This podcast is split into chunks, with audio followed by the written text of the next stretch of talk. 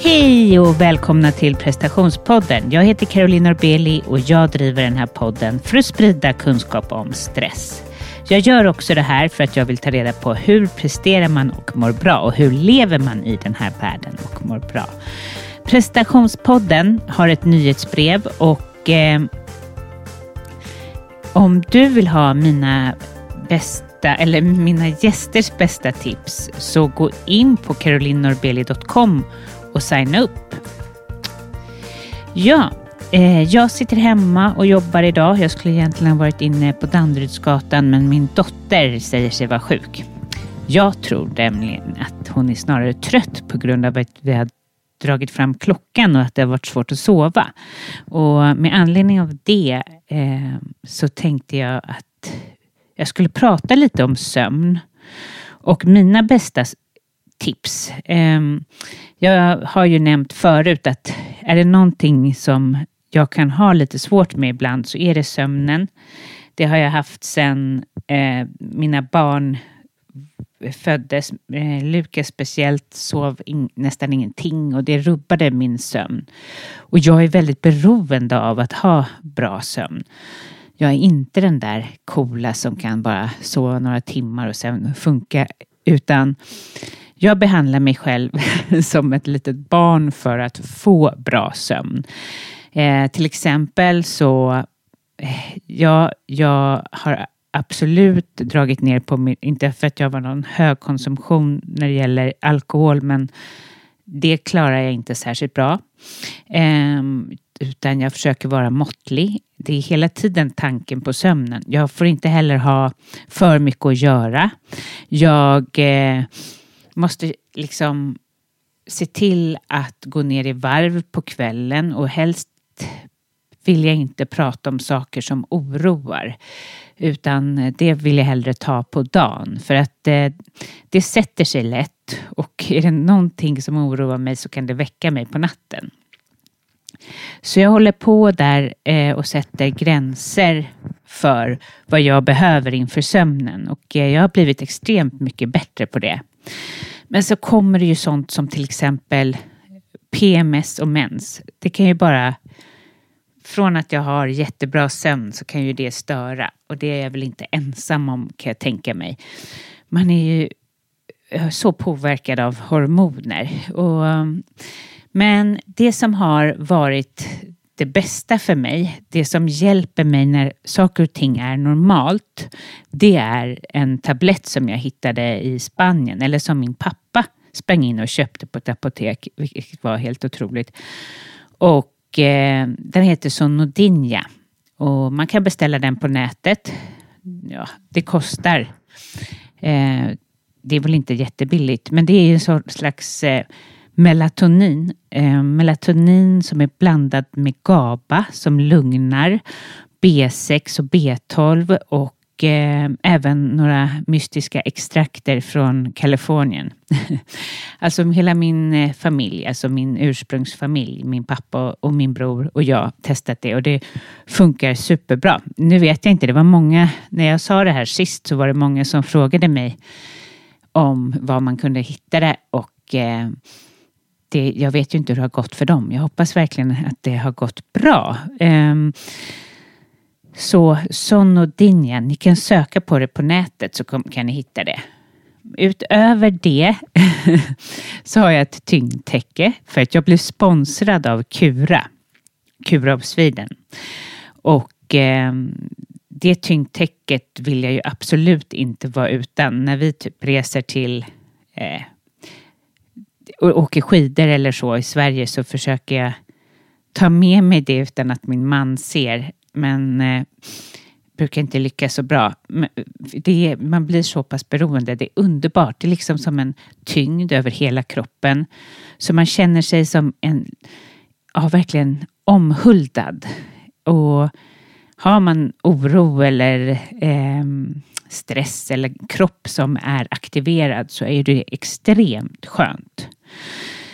Um, och ja, det slutar inte där. Jag har ju haft, eh, under många år har jag haft, eh, men jag har lite kommit ifrån, men spikmattan kan ju verkligen funka också om man som vaknar mitt i natten och sen lägger sig på spikmattan så är det som att jag vet inte vad det är riktigt som sker, men att det distraherar ens tankar eh, och man får en avslappning i kroppen, vilket gör att, att man somnar. Men det, jag tror jag har slutat lite med det, för både alltså, tyngdtäcke och spikmatta, det blir en för jobbig kombo. För då, det blir ju för, det gör ju för ont. Um, sen har jag ju också um, på senaste, sen jag var ute och reste, så har jag skaffat en sån här ögonmask. Det har visat sig vara riktigt bra. Att få helt mörkt, att inte slipper, liksom, kommer in något ljus. Det kan jag verkligen rekommendera. Det är lätt så att man bara harvar med sin sömn och sen gör man ingenting utan man ligger där och så stör sig natt efter natt att det, det kommer in lite ljus och jag menar nu går vi ju mot ljusare tider så det är ju någonting ni verkligen borde skaffa. Ni som har sömnproblem. Jag Ja, jag har ju en sån här lite halv, den är inte särskilt bra så jag ska försöka, alltså den är inte av någon bra kvalitet så jag ska söka upp någon mask helt enkelt. Ja, men det som är det mest, som jag knappt säger till min man, min man tycker för övrigt att herregud vad mycket grejer du håller på med för din sömn. Men har man inte haft lite problem med sömn så förstår man inte hur jobbigt det är. Och då vill man ju göra vad som helst. Så i avsnitt 230 så intervjuar jag Anders Olsson som driver företaget Medveten andning. Och han Eh, han berättar ju om att man ska tejpa munnen när man sover. För att inte andas genom eh, munnen. För att man får en djupare andning när man andas genom näsan och därmed kommer ner i djupare sömn. Så nu har jag, jag har smygit in det här.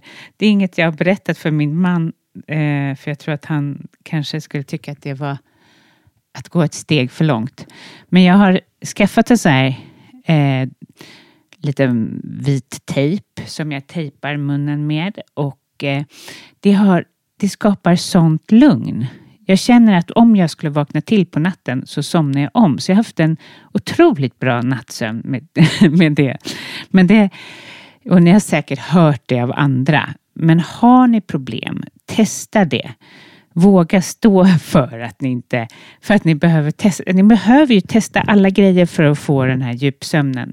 Och eh, det är också, ja, jag tror faktiskt att det är så när man andas genom näsan och får längre ut, ja man får ju en utandning genom näsan vilket gör att parasympatiska nervsystemet kopplas på. Eh, när man andas genom munnen kan det vara mer en stressandning.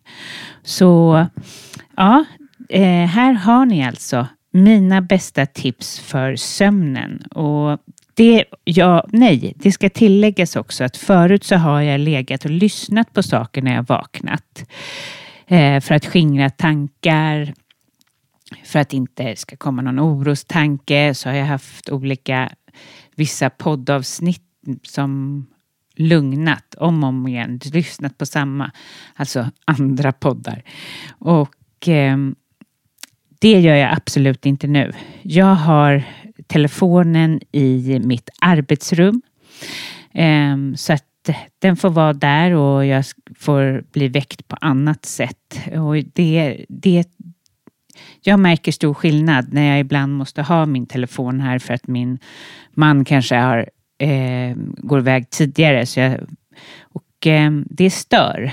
Jag, det stör väldigt och är man väldigt fixerad vid sin telefon, eller i mitt fall är det ju att jag faktiskt har mitt jobb i telefonen eh, och det är väl de flesta som har det, så är det klart att man kan ju inte ligga där bredvid sin telefon som påminner om allt vad man ska göra, vad man inte har gjort och vad man bör göra. Och så eh, Lägg bort telefonen helt enkelt och jag vet att det kan vara svårt. Skaffa in bara en vanlig väckarklocka och eh, låt dig vara fri från den. För att man känner sig verkligen, jag känner mig alldeles fri när jag inte har den. Det var jobbigt de första nätterna. Det låter ju helt sjukt att man är så nära sin telefon att det skulle vara jobbigt. Men det var jobbigt att inte lyssna på någonting för att jag, det är skönt att vaggas in i, i eh, i någon slags sömn. Men det är också så att vi behöver ju vara med, med oss själva. För att eh, en hel dag, jag har coachat människor, du kanske har suttit på ditt jobb och så hem och så är man till för sina barn och sen är man till för sin man och sen, sen ska man gå och lägga sig och då är man inte ens då till för sig själv utan snarare till för eh, en annan röst i, från en annan podd eller så. Så att eh, ja, hoppas att ni tycker att de här mina tips var bra. jag vet att det är väl några som inte är helt eh, okända, de här eh, av mina tips. Men Sonodinja, det tror jag inte att ni har fått av någon annan och det kan ni testa och är det så att ni inte hittar den så går det alltid att eh, mejla mig på caroline.prestationspodden.se.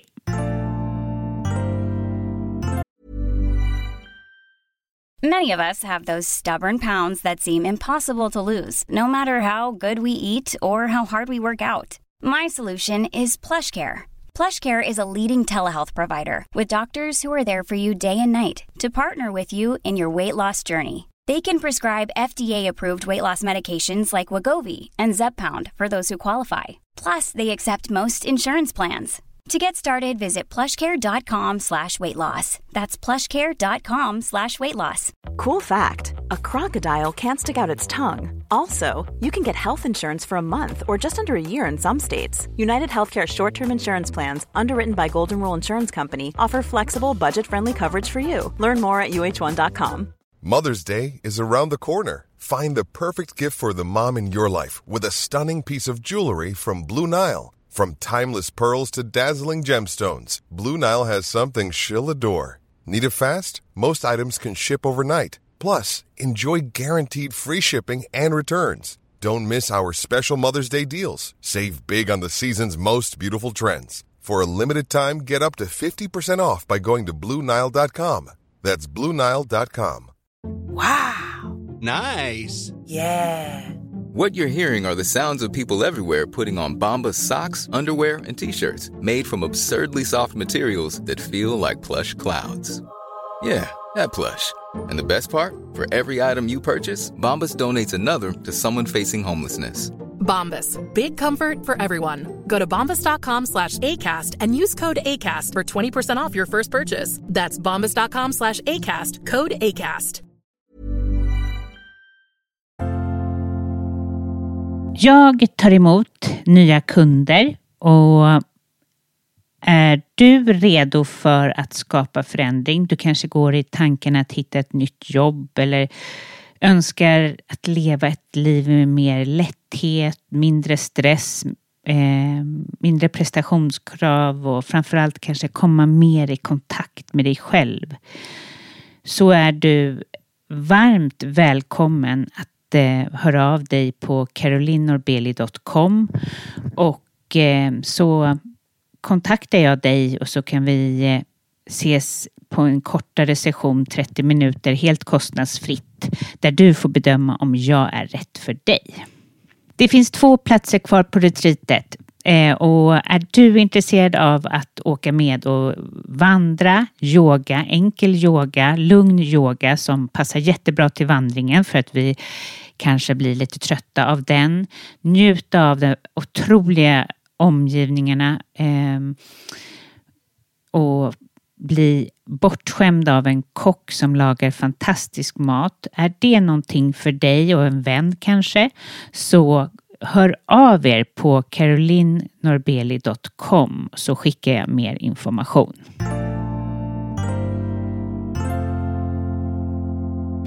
Till det här avsnittet har jag intervjuat Åsa Wikman. Hon eh, driver Orkidébarn Sverige, ett Instagramkonto där hon hjälper högkänsliga att förstå sig själva bättre.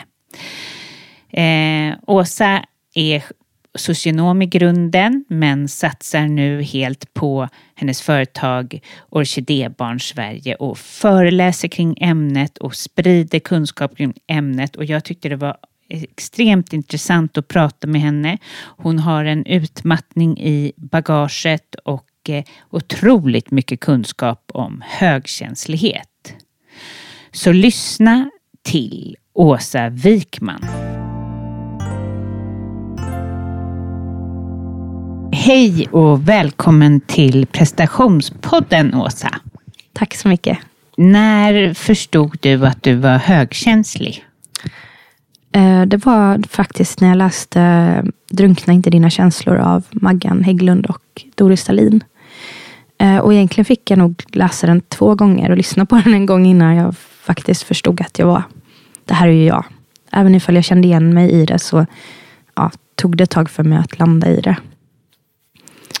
Vad var det du kände igen? De pratar ju mycket om att vara stark skör. Och det kände jag ju verkligen igen mig i. Att jag säger vad jag tycker och känner och eh, jag drar mig inte för att säga det om det verkligen är någonting som jag brinner för. Men efteråt så liksom, då ligger jag som en blöt pöl och tycker att det är så jobbigt om någon har sagt ifrån. Eller, eh, så att jag känner mig verkligen igen mig i det där starkskör. Eh, och nu förstår jag att det också beror på att jag är extrovert. Extrovert högkänslig. Mm. Du har ju skapat ett jätteotroligt Instagram-konto. Och när började du med det? Eh, nu, oktober 21 började jag med det. Eh, och jag såg, eh, jag kan inte prata, bläddrade igenom eh, i min, mitt Instagramflöde ända bak till liksom första inlägget. Och då såg jag att i början så fokuserade jag mest på högkänsliga barn. Så det måste vara, jag är ganska säker på att jag startade med tanken att det skulle vara, handla mer om högkänsliga barn. Eftersom att min dotter är högkänslig. Men sen gick det över mer till eh, vuxna högkänsliga och alla områden i livet som högkänslig. Eh, så att jag har hållit på, vad blir det nu då? Ett och ett halvt år va? Ja. Lite drygt. Ja, det är inte mycket. Nej. Och, det har ju vuxit, vuxit snabbt. Ja, du har väl runt 100 000 eller? Mm. Ja. 101 000, jag håller ju koll. Ja. Vad kul. Ja. Eh, så det var för att hjälpa din dotter som du skapade kontot? Ja, men jag tror att det var, det var väl det som var mitt intresse just då. Eh, och mitt fokus, att förstå henne. Eh, och därför blev nog utgångspunkten högkänsliga barn. Um, för att, ja, vi, alltså vi, vi förstod ju, jag vet att jag googlade på High Need Baby när hon var bebis. Uh, men det var ingen som någonsin sa någonting om alltså BVC eller, eller någon annan runt mig som förstod liksom att hon var högkänslig. Och då kände jag direkt att oj, hade jag förstått att hon var högkänslig redan när hon var bebis så hade det kunnat hjälpa. Det hade verkligen kunnat hjälpa mig. Uh, hade jag förstått att jag var högkänslig och förstått mitt behov av till exempel eh, återhämtning och alltså, sova. Och då hade jag kunnat förbereda mig på ett helt annat sätt. Um, Hur märkte du på henne som bebis? Oj. Hon, um, hon var ju väldigt, nu i efterhand då, då när jag var i det, då förstod vi att hon hade svårt för att sova på nätterna. Och sov inte heller mycket på dagarna. Och alla, alla ni vet, du vet det här äh, tipset att man ska sätta på dammsugaren och massa så här stimuli runt omkring henne äh, för att få henne att somna. Det funkar inte. Vagga henne funkar inte alltid och liksom stressad nybliven högkänslig förälder, då försökte jag ju allting. Allting i en salig blandning och det bara gjorde henne väldigt överstimulerad. Vilket gjorde att hon inte liksom kunde komma ner i varv och sova och slappna av. Um, så att jag förstod väl att det var något. Sen var hon ju väldigt alert. Jag har en bild på henne när hon är två veckor. Hon ser ut Alltså hon är så alert så hon ser ut som liksom ett, ett år gammal till barn i blicken. Uh, och hon, jag vet att hon fastnade vid en tavla vi har hemma som uh, har en röd prick i sig. Och den fastnade hon vid redan när hon var några veckor. Liksom, och skulle peka på och kolla på. Och väldigt liksom, medveten om sin omgivning.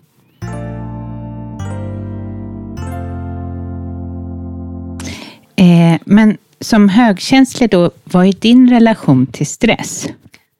Men vi högkänsliga är ju mer benägna att eh, känna oss stressade och hamna i eh, en kampflyktreaktion på grund av att vi har ett känsligare nervsystem. Eh, både vårt centrala eh, nervsystem och vårt autonoma nervsystem är mer reaktivt. Eh, sen håller jag på att läsa på om, jag håller på att djupdyka i all forskning kring högkänslighet just nu.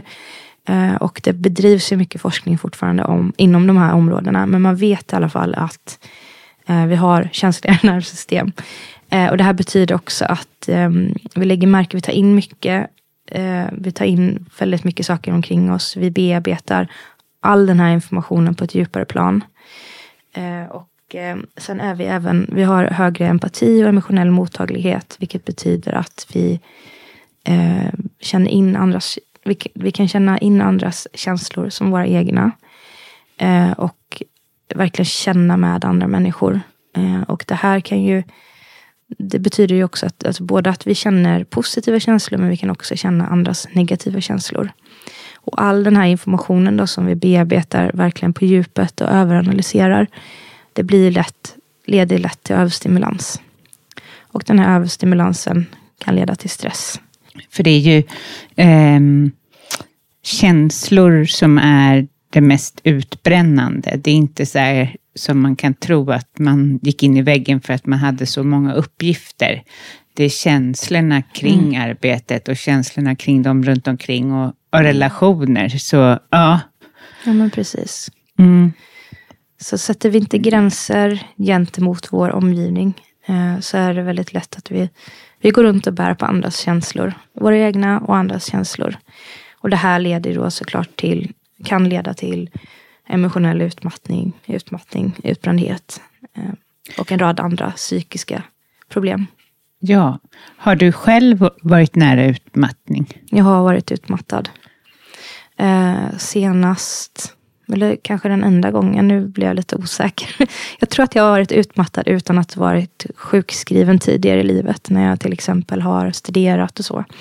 Men jag var sjukskriven från mitt jobb som socialsekreterare förra året. Mm. Eller för, förra året. Eh, och det blev Många av oss högkänsliga personer är per perfektionister har högfungerande ångest. Eh, och jag är inte um, vad heter det? Jag är, jag är också en av dem som har haft det. Eh, och jag gick in i jobbet som socialsekreterare i mitt nya jobb eh, för några år sedan. Som, ja, jag tänkte att jag skulle visa dem vad jag kunde och hur mycket, hur, liksom min, eh, hur duktig jag var. Så att jag var ju som många av oss duktiga flickan. Eh, och eh, tog på mig alldeles för många ärenden och och verkligen, och sen är det ju som socialsekreterare så kommer man ju i kontakt med många personer i utsatta situationer. Och man, eh, jag jobbade på en familjeenhet. Så jag träffade många barn som inte mådde bra. Eh, och har man då inte de här tydliga gränserna och, och, och, hela tiden funderar över, har jag tagit på mig någonting nu idag? Eh, då är det lätt att man kör slut på sig själv. Eh, och sen startade jag upp det här samtidigt. Så att det blev lite för mycket för mig. Ehm, så att då blev jag sjukskriven mm. i några månader. För att återhämta mig och lägga om livet lite och mm, prioritera om. Vad, vad hade du för symptom? Vad hade jag för några symptom? Um, ett symptom som alltid kommer som ett brev på posten när jag är stressad är ju yrsel. Um, oh. Sen sätter det sig i, för mig sätter det sig i magen också.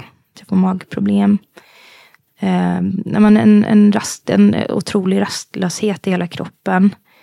Trötthet. Eh, aldrig känna att, man, att, jag, att jag var utvilad hur, hur mycket jag än sov. Eh, lätt irriterad. Kände att jag inte var liksom den här mamman som jag ville, ville vara. Jag hade inte det tålamodet alltid. Eh, så jag hade väl egentligen, om man läser på en sån här lista på symptom för utmattning, så hade jag nog allihopa. Oj, och yrsel är ju på ett sätt allvarligt. Mm. Och obehagligt. Men klingade det av sen? Ja, men yrseln kommer, för mig är det nästan det första symptomet som kommer när jag blir stressad. Mm. Faktiskt. Eh, jag vet inte varför just yrsel. Det är någonting med örat. Och, alltså det, jag har just läst på om det, men ja. nu tappar jag det lite här. Men mm. det är ja, en fysisk reaktion. Mm. Ja, kopplat till, kopplat till örat och hjärnan. Ja, nej. Ja, men det är det. Jag får Och så läsa på. Magen ligger av. Ehm, och det finns ju forskning som föreslår att, mag, att vår magtarm, vad heter det? Brain gut axis, tror jag det heter. Den är känsligare hos högkänsliga. Men all, mycket styrs ju av nerverna. Men för mig är det magen som magen och yrsel eh, i första hand och trötthet. Ehm, så att ja, hem och vila fick jag göra några månader. Och hur kändes det då?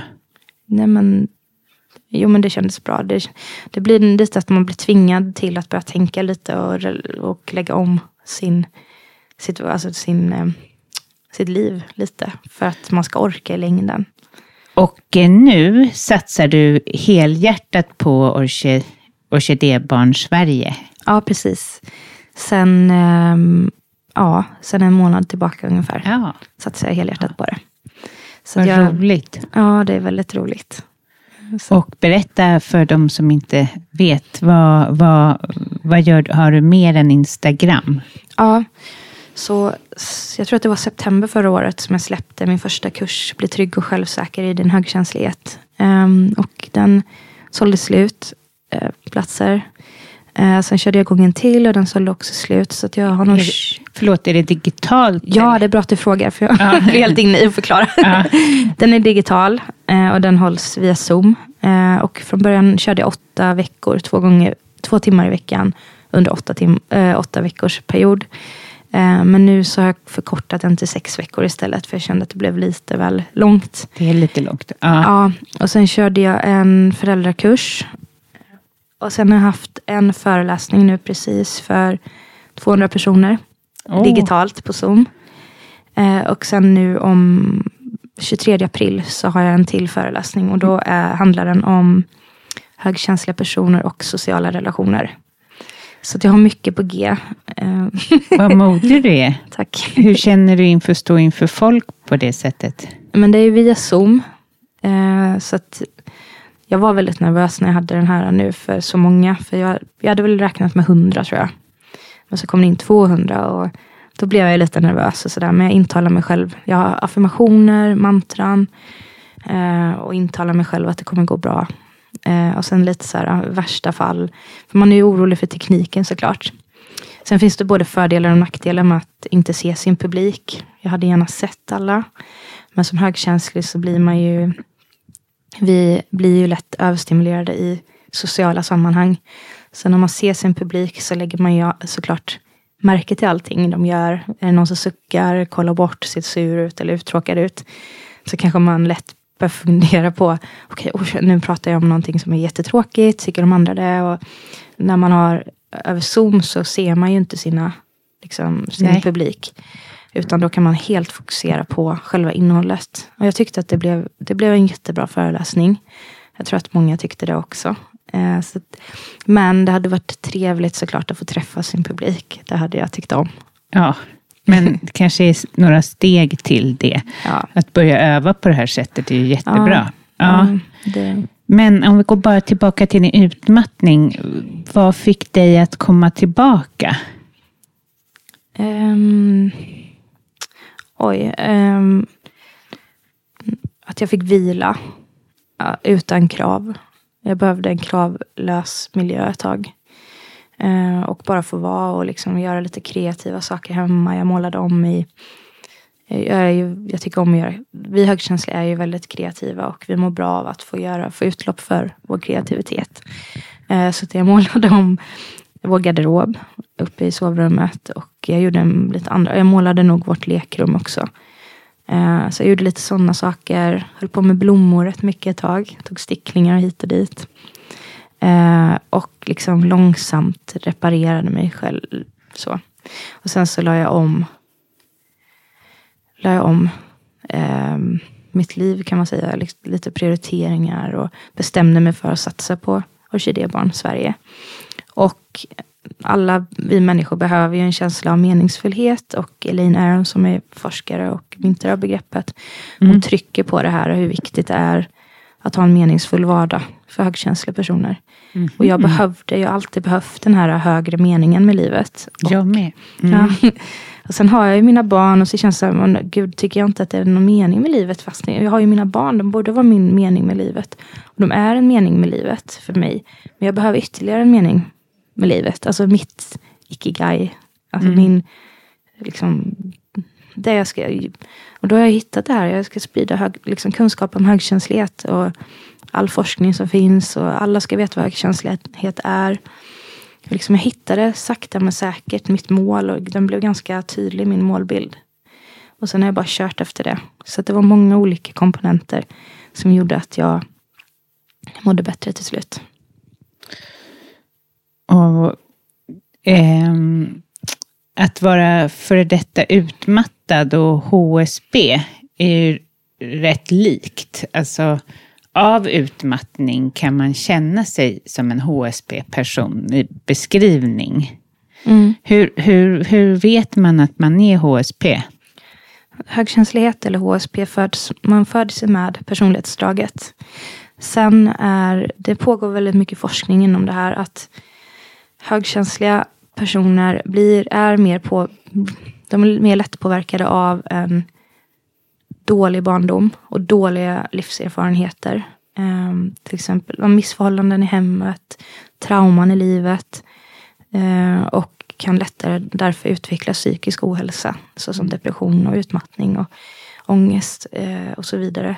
Men om de får uh, tillräckligt goda hem, alltså växer upp i en tillräckligt god hemmiljö, får interventioner som vid terapi och sådär, så kan de utvecklas och eh, må bättre än många andra, in, andra individer.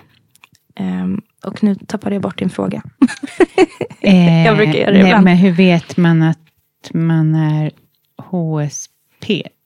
Ja, och det skulle jag säga då. Eh, och på grund av om man, om man är igenom olika trauman eller ut, och det leder till utmattning, då kan man ju utveckla någonting som heter hypersensitivitet. Eh, och det är inte samma sak som att vara högkänslig. Eh, så om man ska förstå skillnaden där, då behöver man gå tillbaka och titta på sitt liv, hur det har sett ut eh, bakåt i tiden. När jag var barn, hade jag liksom de här symptomen? Eh, eller är det symptom som har kommit med sen min utmattning? Så man behöver kolla liksom, på själva situationen och ja, titta bakåt i livet, hur det har sett ut. Men sen så kan ju alltså två barn som är högkänsliga som växer upp i eh, olika miljöer. Där en som växer upp i en, en dålig miljö och en som växer upp i en, en god miljö. Där kan ju högkänsligheten hos de barnen ta sig helt olika uttryck. Ehm, de högkänsliga egenskaperna eh, försvar, alltså, de minskar lite om, i kraft om man växer upp i en bra miljö. Sen är vi inte bara högkänsliga, och tvärtom då för de som växer upp i en sämre miljö eller är med om trauman. Eh, men eh, vi är ju inte bara högkänsliga utan vi är så mycket mer. Vi är ju liksom mycket annat också. Ja, eh, precis. Men det korta svaret var att titta tillbaka på ditt liv och fundera över om du haft de här liksom, tendenserna till eh, känslighet för liksom, stimuli och yttre stimuli, inre stimuli. Om du har tagit, liksom, känt andras känslor, att du har varit påverkad lätt av andras känslor innan, innan du blev utmattad. Och sen behöver man också fundera på vad vad det som ledde till utmattningen. Det kan ju vara högkänsligheten kan ha varit en bidragande faktor. Och sen blev liksom alla egenskaper förstärkta på grund av utmattningen. Precis. Ja. Jag råkade komma in på en sida när jag förberedde mig på att du skulle komma att högkänsliga kan attrahera ehm, eh, vad heter det? narcissister. Ja, Och det kan man ju verkligen när man tänker på alltså, så här, par och alltså, folk man känner eller hör om. Att det ofta är ja, ja, det finns en speciell relation. Eh, Det finns mycket forskning faktiskt mellan högkänsliga och narcissister. Eller empater och narcissister. Eh, Och ehm, den relationen är ju, alltså de dras till varandra. Eller narcissisten dras till den högkänsliga personen. För att utnyttja den högkänsliga personens välvilja och empati. Och liksom lever på den här eh, personen. Jag har faktiskt själv fallit offer för en. Eh, mm. Ganska nyligen och verkligen brutit eh, med hen.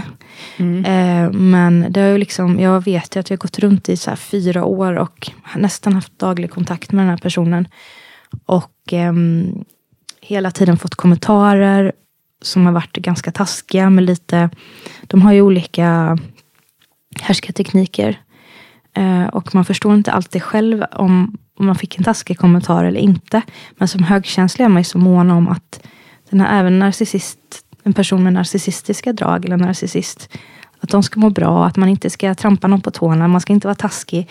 Vi har ofta svårt för att sätta gränser och det utnyttjar narcissisten. Så vi är, liksom den, vi är det perfekta offret för en narcissist. Mm. För narcissisten vill ju ha mycket uppmärksamhet och bekräftelse och vi ger ofta eh, personen där då. Mm. Och har svårt för att sätta gränser, sätta ner foten. För att vi vill inte såra någon. Eh, alltså. mm. Usch. Det låter så obehagligt tycker jag. Mm. Eh, är det en stor del av eh, högkänsliga som är utmattade? Vet du någonting? Nej, det vet jag tyvärr inte. Nej. Eh, nej, men det kan man ju tro att det verkligen ja. kan ligga bakom, men det är ingenting som har forskats på kanske. Är man utmattad som högkänslig, um, alltså utmattning, utmattning som högkänslig kan man förebygga och förhindra genom att ha kunskap om högkänslighet. Att veta hur man ska hantera sin högkänslighet, hur man ska förebygga att inte, att inte bli överstimulerad. Vi har ju mycket utmaningar eh, på arbetsplatsen som många andra inte har. Eh, och har man själv inte kunskap om att man är högkänslig, ens arbetsgivare inte förstår våra behov, då blir det lätt att det leder till utmattning. Så det är ju någonting jag tänker skulle kunna förebyggas framåt. Ja, verkligen. Eh, men eh, vad, som högkänslig, eh, vad finns det för hjälp att ta? Um, ja, man kan... Tänker, man kommer långt med att veta att man inte är ensam. Att man liksom får kunskap om personlighetsdraget. Uh, det kan vara positivt för en att hitta likasinnade. Mm. Andra högkänsliga. För att liksom dela sina tankar och känna att man inte är ensam. Uh, man kan även eh, prata med en terapeut om sin högkänslighet. Eh, och liksom de utmaningar som kommer med det och lite hur man ska hantera det. För att mycket av sättet, sätten som man hanterar liksom olika situationer som man står inför som högkänslig, såsom att sätta gränser, att inte ta på sig andra känslor, att sluta överanalysera. Mm. Det är ju eh, saker som liksom terape terapeuter jobbar med. Ja. Sen är det en fördel om terapeuten förstår högkänslighet och eh, faktiskt liksom tycker att det är ett personlighetsdrag. För det är inte alla eh, det är inte alla fortfarande, alltså inom sjukvård och så, som vet om vet så mycket om det här personlighetsdraget. Nej, det är ju nästan så. Jag är ju högkänslig själv. Det, eh, och det tror jag är ganska vanligt när man jobbar som coach eller terapeut. Eller så, för då mm. har man ju den här superstyrkan att känna in folk. Mm. Men det är nästan som att man kan ha ett övernaturligt den förmågan som högkänslig. Alltså för en mm. annan som inte är högkänslig kan tycka, alltså så här, att man kan känna på sig saker som mm. inte andra. Det finns ju någonting fantastiskt i den känslan, men mm. den är ju också väldigt uttömmande för att då tar man in, som du säger, en helt liksom mm. varenda detalj och så. Eh, det är mycket att bära. Mm, ja, det blir det. Vi har ju högre intuition. Mm, ja, för att eh, det var helt otroligt. Jag ska inte uppta intervjun här, men, nej, men jag var på en restaurang i Deja eh, på Mallorca. Och då kommer in en man och då säger jag så här, han är den här eh, modellen som din chef har pratat om. Alltså jag, hade, mm. jag bara visste det, fast det fanns ju inget, alltså det, jag hade inget belägg eller någonting, men jag bara mm. visste att det var han. Eh, mm.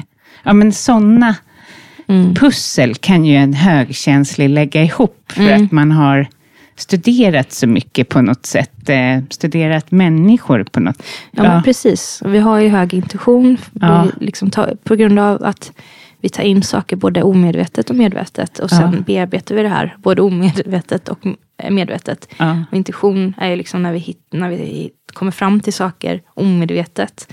Vi förstår inte vart det kommer ifrån. Men Nej. på något sätt har liksom vi bearbetat det här. Mm. eh, och dragit slutsatser. Ehm, och ehm, ja, men jag, ja. och intuitionen är ju verkligen en styrka i våra liksom, jobb, jobbsammanhang. Verkligen. Ja, så um, det är en av styrkorna som högkänslig på arbetsplatsen är ju verkligen intuitionen då. Mm. Det gäller bara att lära sig vad som är intuitionen och vad som är oron. Precis. Ja, att se skillnad mellan de två. För Ja. annars är det ju så lite obehagligt när man vet att man har en stark eh, intuition att då eh, känna på sig dåliga saker. Ja, men precis.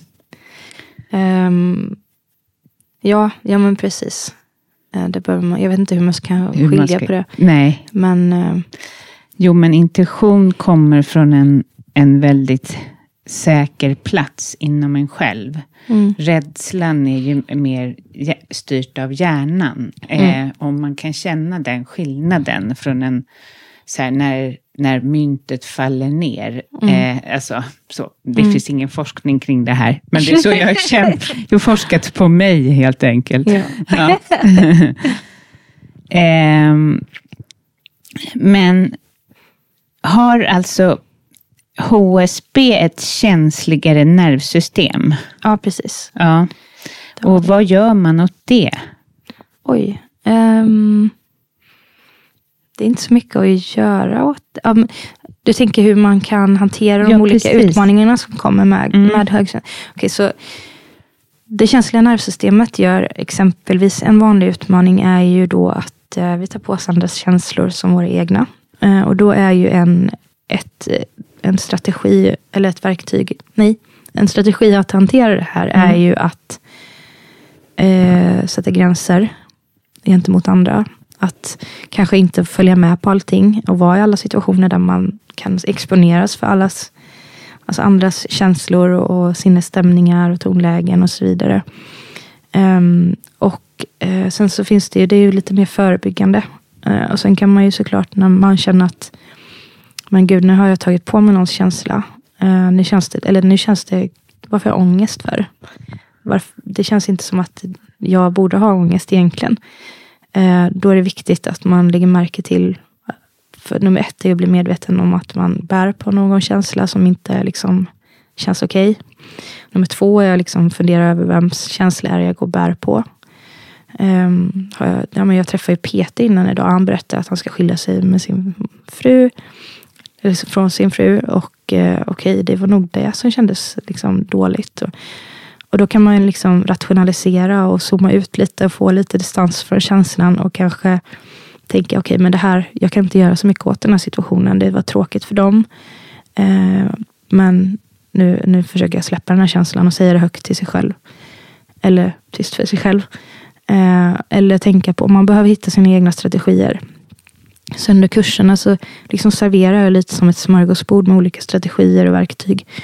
Och sen behöver man börja prova lite själv och hitta det som passar en.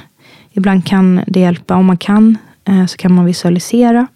Man kan visualisera då det här med att ta på sig andra känslor. Kan man visualisera en glasmur om man är duktig på det. Eller glaskupol Mm. runt sig. Att man går runt med det. Jag är rätt dålig på att visualisera. Eh, men jag vet andra som är duktiga på det. Mm. Att det hjälper. Eh, och då studsar liksom de... Man eh, observerar men man absorberar inte Mm. känslorna. Och då kan man ju liksom säga det som ett mantra för sig själv. Eh, observera, inte absorbera. ja. Det finns massa strategier. Men det här är ju bara då för till exempel att ta på sig andra känslor. Sen har vi andra utmaningar ja. och strategier och så. Det är bra.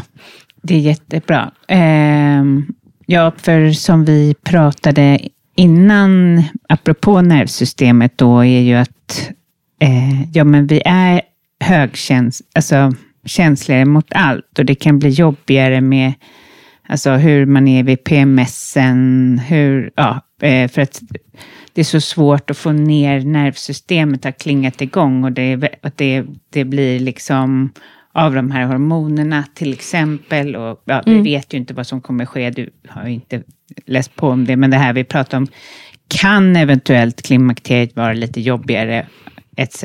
Mm. Det ska bli intressant när du hittar fakta kring det. Ja, det är många som frågar. Många följare som frågar på Ja. Instagram. Med skräck, Ja. frågar de. Ehm, men nervsystemsreglera kan man göra i, som liksom någonting som man kan göra i stunden när man känner att nu är jag helt ur balans här. Ehm, man kan, det finns mycket att göra. Man kan doppa huvudet i kallt vatten. Ehm, man kan duscha kallt, ehm, varmt. Man kan ut och gå. Eh, använda sig av gående meditation till exempel. Ehm, tapping finns det någonting som heter. Ja. Eh, Det finns massor saker som man kan göra i stunden. Eh, Och där återigen så gäller det att hitta någonting som passar en själv. Och sen funkar ju, eh, när, vilk- beroende på vilka känslor man har i kroppen. Är man arg kanske det funkar med fysisk kondition. Är man eh, ledsen så kanske det är bra om man gråter ut lite. För gråta är väldigt bra för kroppen sinnet. ja. Eh, Så att när våra nervsystem är i obalans, till exempel vid mens och PMS, då, så tror jag att nervsystemsreglering kommer fungera oavsett. Mm. Men visst är det intressant att se om det finns någon eh, forskning på det här. Ja, verkligen. Ehm, Men vi har varit inne på det lite med intuition och så, men finns det andra fördelar kring HSP? Fördelar? Ja, det finns massa fördelar. ja, vi är ju hög intuition då. Eh, precis som du säger så kan ju det här att vi, liksom vår empati, att vi kan känna in eh, andras känslor och förstå eh, människor på ett djupare plan också göra att vi kan skapa djupa relationer med andra människor. Eh, vi är detaljorienterade, vi ser ju saker som andra missar. Eh, och det kan ju vara en, verkligen en fördel i vårt arbete till exempel. Um, och vi är lojala, samvetsgranna ofta. Nu är det här generellt. Inte varandra högkänsliga är ju det såklart. Um, men vi är... Vad är vi mer? Jag måste tänka.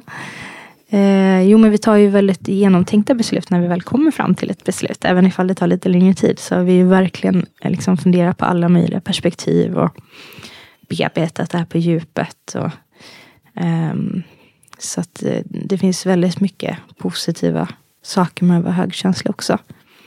Nu kände jag att jag tömde inte ut hela listan på vad mina fördelar. Men Nej. jag kom inte på allting nu.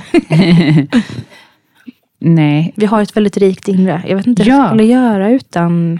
Jag, jag, jag själv kan inte föreställa mig en, liksom att leva utan den här extra dimensionen av ens personlighet. Att man, så det hänger ihop, att man är mer liksom, man har ju inte så stort behov av människor. människor på grund av att man har så mycket i sin, Ja. sitt inre. Ja. Ja, man blir ju aldrig trå- alltså, uttråkad om man inte då är extrovert eller sensationssökare i, sin egen, eh, i sitt eget sällskap. Utan man, man, man trivs ganska bra i sitt eget sällskap. Och det är verkligen en styrka. Vi är självständiga. Eh, det finns mycket positiva fördelar. Eller positiva saker eh, och fördelar. Eh, men för att känna liksom att högkänsla, en del kan bli provocerade när jag säger att det är en superkraft. Eh, och, och, men ehm, då blir man provocerad av det, då har man lite att jobba med. Då behöver man liksom jobba med att, att känna att man är i balans och få verktyg för hur man ska hantera liksom alla de här utmaningarna som följer med personlighetsdraget. Mm. Men verkligen. Ja, precis. För tar man hand om sig själv, ja, men man kan säga så här, tar alla hand om sig själva så har väl alla en superkraft egentligen. Alltså att man, Mm. Ja, men men olika. Ja. Eh, om den med ADHD tar hand om Ja. sig själv så har den ju en jättefördel. Alltså så här, om, Mm. om den lyckas. Det är inte lätt bara. Jag tror ADHD är just, jag, jag, ut, jag vågar inte uttala mig alls om det för att det går inte att jämföra personlighetsdrag med diagnos. Nej. Som ADHD, nej. Om man har ADHD kan man behöva medicin och andra Ja, det kan också. vara så. Men om man säger att den här högaktiviteten, ja. om man eh, får hjälp med att reglera den och få tillbaka ja. energin, så kan man leva på det här drivet. Mm. Men sen kan det ju vara mycket kom mer komplicerat än så ja. förstås. Men det kan vara på ett sätt och det är kanske inte på alla sätt, men kan ju kanske vissa diagnoser i alla fall också vara superkrafter. Ja, mm, ja men absolut. Jag, nej men jag, jag brukar ju trycka på att det är en superkraft att vara högkänslig, för jag vill trycka på fördelarna med eh, personlighetsdraget, eftersom att de flesta av oss har känt att det varit något liksom dåligt, negativt med oss. Mm. Men det betyder ju inte att det är bättre att vara högkänslig än att inte vara högkänslig. Nej. Um, sen har vi ju nyare forskning, eller ja, från 2018 kom det ut en forskningsstudie som föreslog att det finns, um, som en skala då, cirka 30 procent är högkänsliga, så kallade orkidébarn. Eh, och cirka 30 procent lågkänsliga maskrosbarn. Och sen har vi den här i mitten, 40 procenten som är, de körde på den här eh, plom, eh, eh, vad heter det, liknelsen, tulpaner då. Eh, och alla har ju sina, alla på den här skalan har ju sina fördelar och nackdelar. Eh, utmaningar och så. Eh, och en klar fördel som jag måste lyfta fram också är, som högkänslig är ju att vi kan ju verkligen dra nytta av har vi haft en dålig barndom eller varit med om hemska saker mm. så kan vi verkligen svara vi bättre och mer effektivt på insatser. Oh. Oh. Det är en jätte, jätteviktig så här, forsknings, eh, forskningsresultat. Ja. Som kommer att vara viktigt för socialtjänst, för läkare, eller sjukvården, för skol, vilka är det som gör den här forskningen? Är det Sverige eller är det? Mm, eh, nej men det finns en här i Sverige som är, utgår från Västerås tror jag. Cecilia Åslund heter hon. Hon forskar om en, nu ska vi se, hon forskar lite på lite olika, men några forskningsstudier handlar om några olika alltså genvariationer som vi har, eh, vi högkänsliga, kombinerat med om man har en viss genvariation variation kombinerat med en dålig uppväxt så har hon kommit fram till att man, kan ut, att man utvecklar eh, det är större risk att man utvecklar utåtagerande beteende och så vidare. Hon forskar lite på det där. Orkidébarn. Eh, jag, inte, jag, jag håller på att sätta mig in i det här. Men sen resten då, det är Cecilia har hittat här i Sverige. Eh, resterande är ju utomlands. Och det forskas lite i Australien, mycket i USA. Eh, Elaine Aron forskar fortfarande. Hon har hållit mm. på sedan 90-talet. Hon eh, kör på fortfarande och är med i mycket forskningsstudier. Eh, hennes man Arthur. Och sen har vi eh, en man som heter Michael Plus. Eller Plus är det uttalas. Och en annan kvinna som heter Bianca Acevedo. Och Bianca har och med en rad andra forskare precis släppt en bok om den högkänsliga hjärnan. Eh, och den är väldigt omfattande. De har gått igenom alla, all, jättemycket forskningsrapporter. Och oh, vad spännande. Är, så att eh, det pågår väldigt mycket. Och mycket forskas det på just den här fördelskänsligheten kallas det för. Eh, den här förmågan att dra fördel av positiva omständigheter också. Mm. Eh, eller differentiell känslighetsteori heter den också. Det är mycket forskning inom området. Mm. Och det är viktigt att veta också att det finns en vetenskaplig term för högkänslighet. Det är inte bara ett liksom, flum. flumord utan det är sensorisk bearbetningskänslighet. Eh, och det forskas väldigt mycket om det. finns mycket vetenskapliga studier inom området. Eh, jag, jag, jag vet att Undrar om vissa diagnoser som sätts, det vet man ju inte, men Mm. Ja, men att man blandar ihop det. Det är ju bra om det verkligen kommer fram mycket om det så att man inte bara... Eh... Mm. Jag vet inte. Alltså, som sagt, när jag, jag är lite försiktig när det gäller att, att prata om diagnoser och högkänslighet. Men det, visst kan det vara så att um, men det kan finnas personer likheter. med likheter dem emellan. Och mm. mycket skillnader också. Ja. För det är ju person, alltså det är ett personlighetsdrag som finns hos 20 procent av befolkningen. Det är ju 20 procent. Även om viss forskning säger 30 så är ju 20 procent den, den vanliga siffran. Eh, och ehm, det är ett helt normalt personlighetsdrag som inte behöver ha några liksom, det är ingen funktionsvariation eller så. Utan Nej.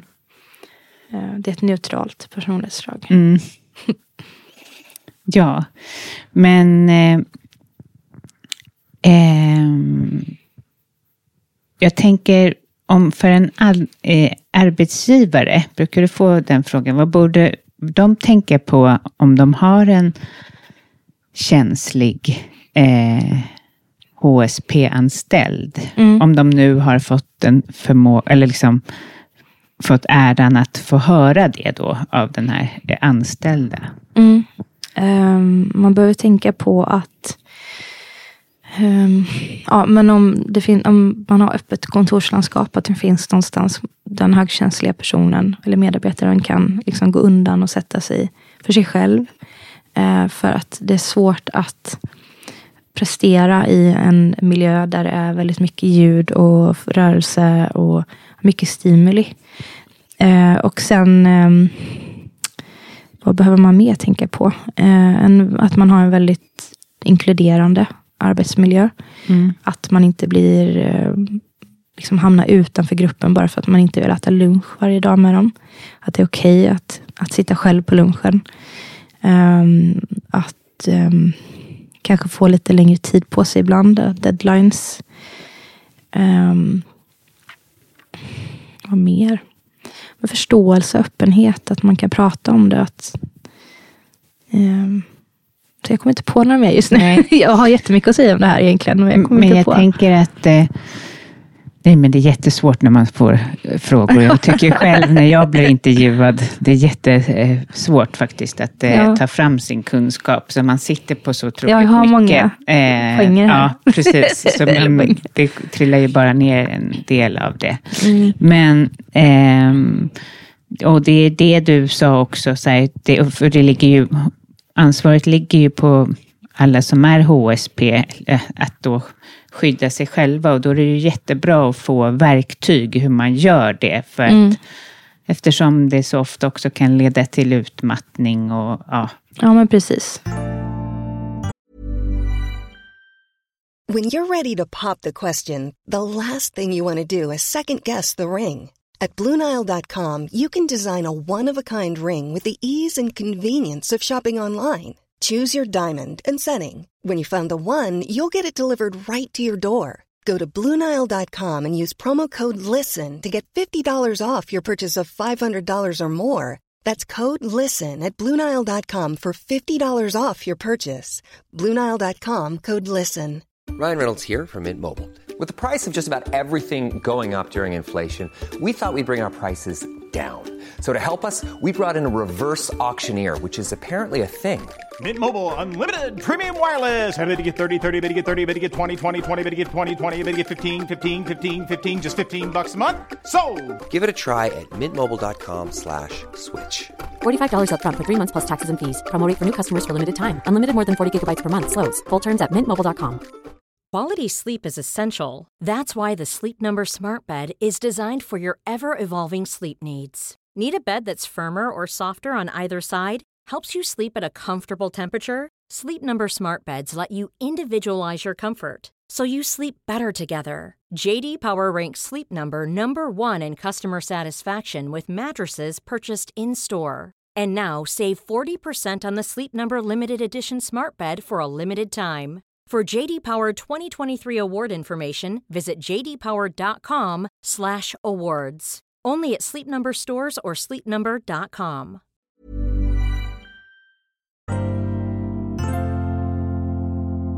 Vet du några, om man nu tänker och lyssnar på det här avsnittet och kanske har misstänkt att man, herregud, jag, jag är ju högkänslig, det här låter ju precis som jag. Vet du några böcker som kan läsa eller? Ja, absolut. Um, alltså om, man, om man funderar på om man är högkänslig så rekommenderar jag att man kan göra ett test som finns på hspforeningen.se. Um, ehm, det är ganska gammalt, brukar jag berätta. Och, um, men det är fortfarande det, liksom, det är relevant. Uh, men sen finns det, kan man läsa också om DOSE, som är en akronym. Uh, och känner man igen sig i den här äh, förklaringarna för varje bokstav då, ja. i den här akronymen, så kan det vara så att man är högkänslig. Ja. Eh, och vill man läsa någon bok eh, så kan man läsa Den högkänsliga människan av Elaine Aron. Och jag har massa böcker om högkänslighet, men nästan alla är på engelska. Men Elaines böcker på svenska är ju, skulle jag säga, bra. Hmm. Ja, jag kan ju länka till de här. Ja. Eh, ehm, det är jättebra. Eh, men eh, hur ser din, vad drömmer du om?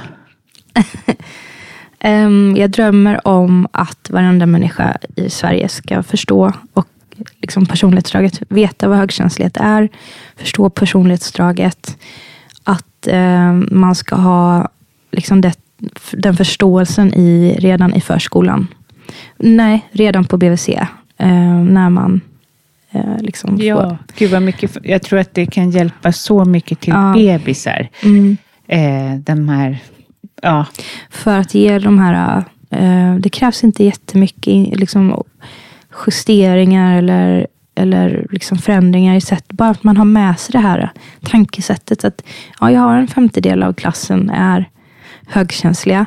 Så därför behöver vi tänka på att det inte är liksom för stökig omgivning, alltså för stökigt i klassrummet. Att det finns möjlighet att, att det gärna ska vara tyst då, men att det finns möjlighet att ta på sig hörselkåpor, sätta sig lite undan.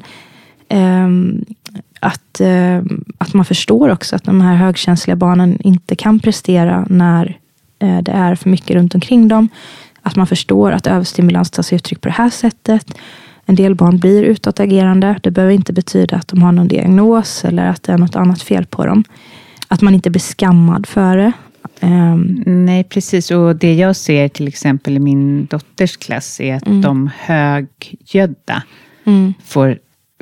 Det är deras trum... Alltså det är de som sätter tonen. Alltså, mm. eh, tyvärr. Att de, mm. det, det är ganska stökig miljö, även om det är en bra skola och så. Hon går mm. på så hon är helt slut. Hon är mm. högkänslig. Hon, jag har låtit henne vara hemma idag för att mm. tanka. Mm. För det är bättre än att pressa henne ja. till skolan. Mm. Absolut, det ja. tänker jag. Alltså, jag tänker att det är samma sak som att vara fysiskt sjuk. Att man kan vara psykiskt, liksom att man, man har inga batterier kvar och då är det bättre att, att man får ladda dem hemma ja. en dag komma tillbaka och liksom orka skolan hela veckan. Precis. Annars blir det att man kanske eh, vi, pratar, vi pratar mycket om, om batterier hemma, bara för att det är så lätt eh, att förstå för barnen. Eh, men liksom, jag brukar fråga på kvällen eller eftermiddagen hur mycket batterier har du kvar? Då kan de liksom tänka på iPad, deras iPad-batteri. Då kan de säga 10. Då förstår jag liksom att de är supertrötta och behöver Eh, och de förstår också själva. Vad behöver man nu då för att ladda sina batterier? Ja. ja men vi behöver sitta och måla lite. Måla i, ladda batterierna. Och att man redan liksom har det tänket um, som liten. Att man förstår vad det är som gör att man blir trött psykiskt och som liksom gör att man får energi psykiskt. Eh, och det är ju då, jag vet inte med din dotter, men att man kan vara extrovert och högkänslig som barn också. Eh, och vuxen såklart. Men då behöver man ju det här sociala umgänget samtidigt som det tar precis lika mycket energi från en som om man vore introvert högkänslig. Men man utsätter sig för situationerna hela tiden. Och skolans värld, jag vet att, att lärare gör väldigt mycket, att de liksom gör jättemycket. Men det är en väldigt stökig mm. eh, miljö. Det är stora klasser. Det är stora klasser och det är mycket ljud. och eh, Jag förstår, liksom, de gör sitt bästa, men eh, det är ju liksom på en politisk nivå. Ehm, mm. Det behöver pratas ja. om det, såklart. Men hade jag varit i skolan en dag så hade jag varit helt slut. Barn ja, är ofiltrerade. Vi säger ju inte precis vad vi tycker till varandra. Gud vilken fin tröja du har. Nej. Vart har du köpt de glasögonen? Nej. Tänk om vi höll på. Du är Ja. jättefin i dem. För att Ja, den som är högkänslig till högkänslig är du jättefin i det. Ja. Men så är ju barn. De säger Nej, nej, precis ja, vad de tycker. Mm. Och sen det här ljudet. Och, och då kanske inte få förståelsen för att man behöver lugn och ro. Nej. Och inte få återhämtningen heller på lunchen eller på Nej. rasterna. Nej, det Rasterna är- också usch, det är intensiva. hemskt. Ja. Och ska de lära sig det sociala samspelet. Alltså jag förstår. De är ju Ja. helt slut. Ja. Det är klart att de behöver återhämtning. Nej, och det var min, för jag låg faktiskt och sov på morgonen, Ja. men eh, det var min man som lät henne stanna hemma. Då kände jag bara så här, men gud, nu är han verkligen världens bästa pappa. Ja. för att det kan lätt bli för en man, i alla fall Ja. för honom. Ja. "Ö, Nu ska du gå. Ja, så. Men vad är viktigast? Liksom? Ja, vad är viktigast? Hon kan ju inte ta in Prestation någonting. eller välmående? Liksom. Precis. och prestationen liksom kommer ju inte om hon om det nu är viktigast att prestera så presterar man ju inte när man mår dåligt. Eller mår dåligt, när man är trött mentalt. Nej. Och överstimulerad. Är, vi, är barn överstimulerade så, så presterar de inte. Nej, och det här är ju också bra tips till en själv. Och jag tänker det här med batterier. Hur Mm. mycket batterier har du som lyssnar just nu? Alltså Mm. det är en jättebra eh, tanke. Ja, men det passar ju den metaforen både för vuxna och för barn. Ja men verkligen. Och det är svårt att eh, få tid att känna efter. Mm. Mm. Ja, men eh, jag tror säkert att du, du kommer växa. Du har ju gått, växt så otroligt snabbt på så kort tid. Så Mm. ja, jag hoppas att eh, hela Sverige eh, nås av dina budskap. Det hoppas jag också. Ja. Planning for your next trip? Elevate your travel style with Quince. Quince has all the jet setting essentials you'll want for your next getaway, like European linen, premium luggage options, buttery soft Italian leather bags, and so much more. And is all priced at 50 to 80% less than similar brands.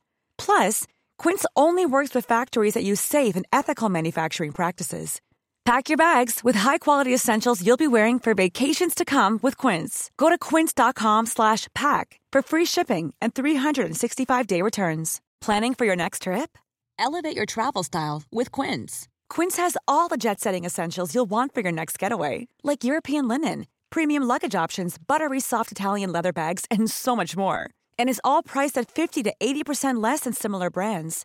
Plus, Quince only works with factories that use safe and ethical manufacturing practices.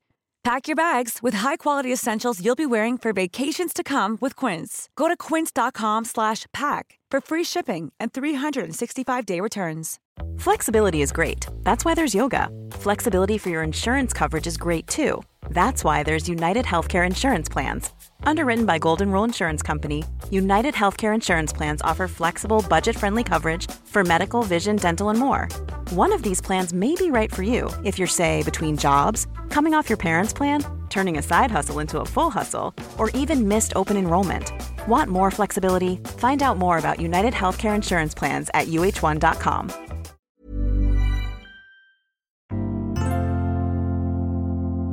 Sista frågan. ehm, jag har inte förberett dig på den här, men vem rekommenderar du att jag ska intervjua i podden? Gärna om stress och utmattning. Ja, eh, och ja, det bara poppade upp ett namn direkt när du frågade, ställde den här frågan.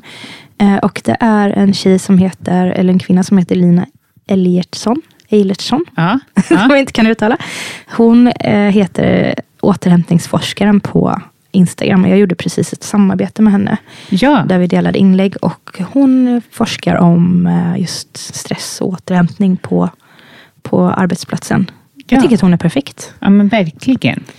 Hon verkar trevlig. Ja, vad bra.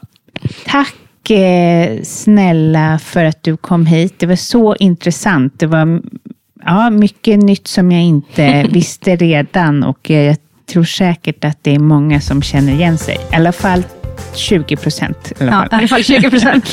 ja, det är bra. Tack snälla för att jag fick komma. Tack alla ni som lyssnar. Tack för att du sprider podden.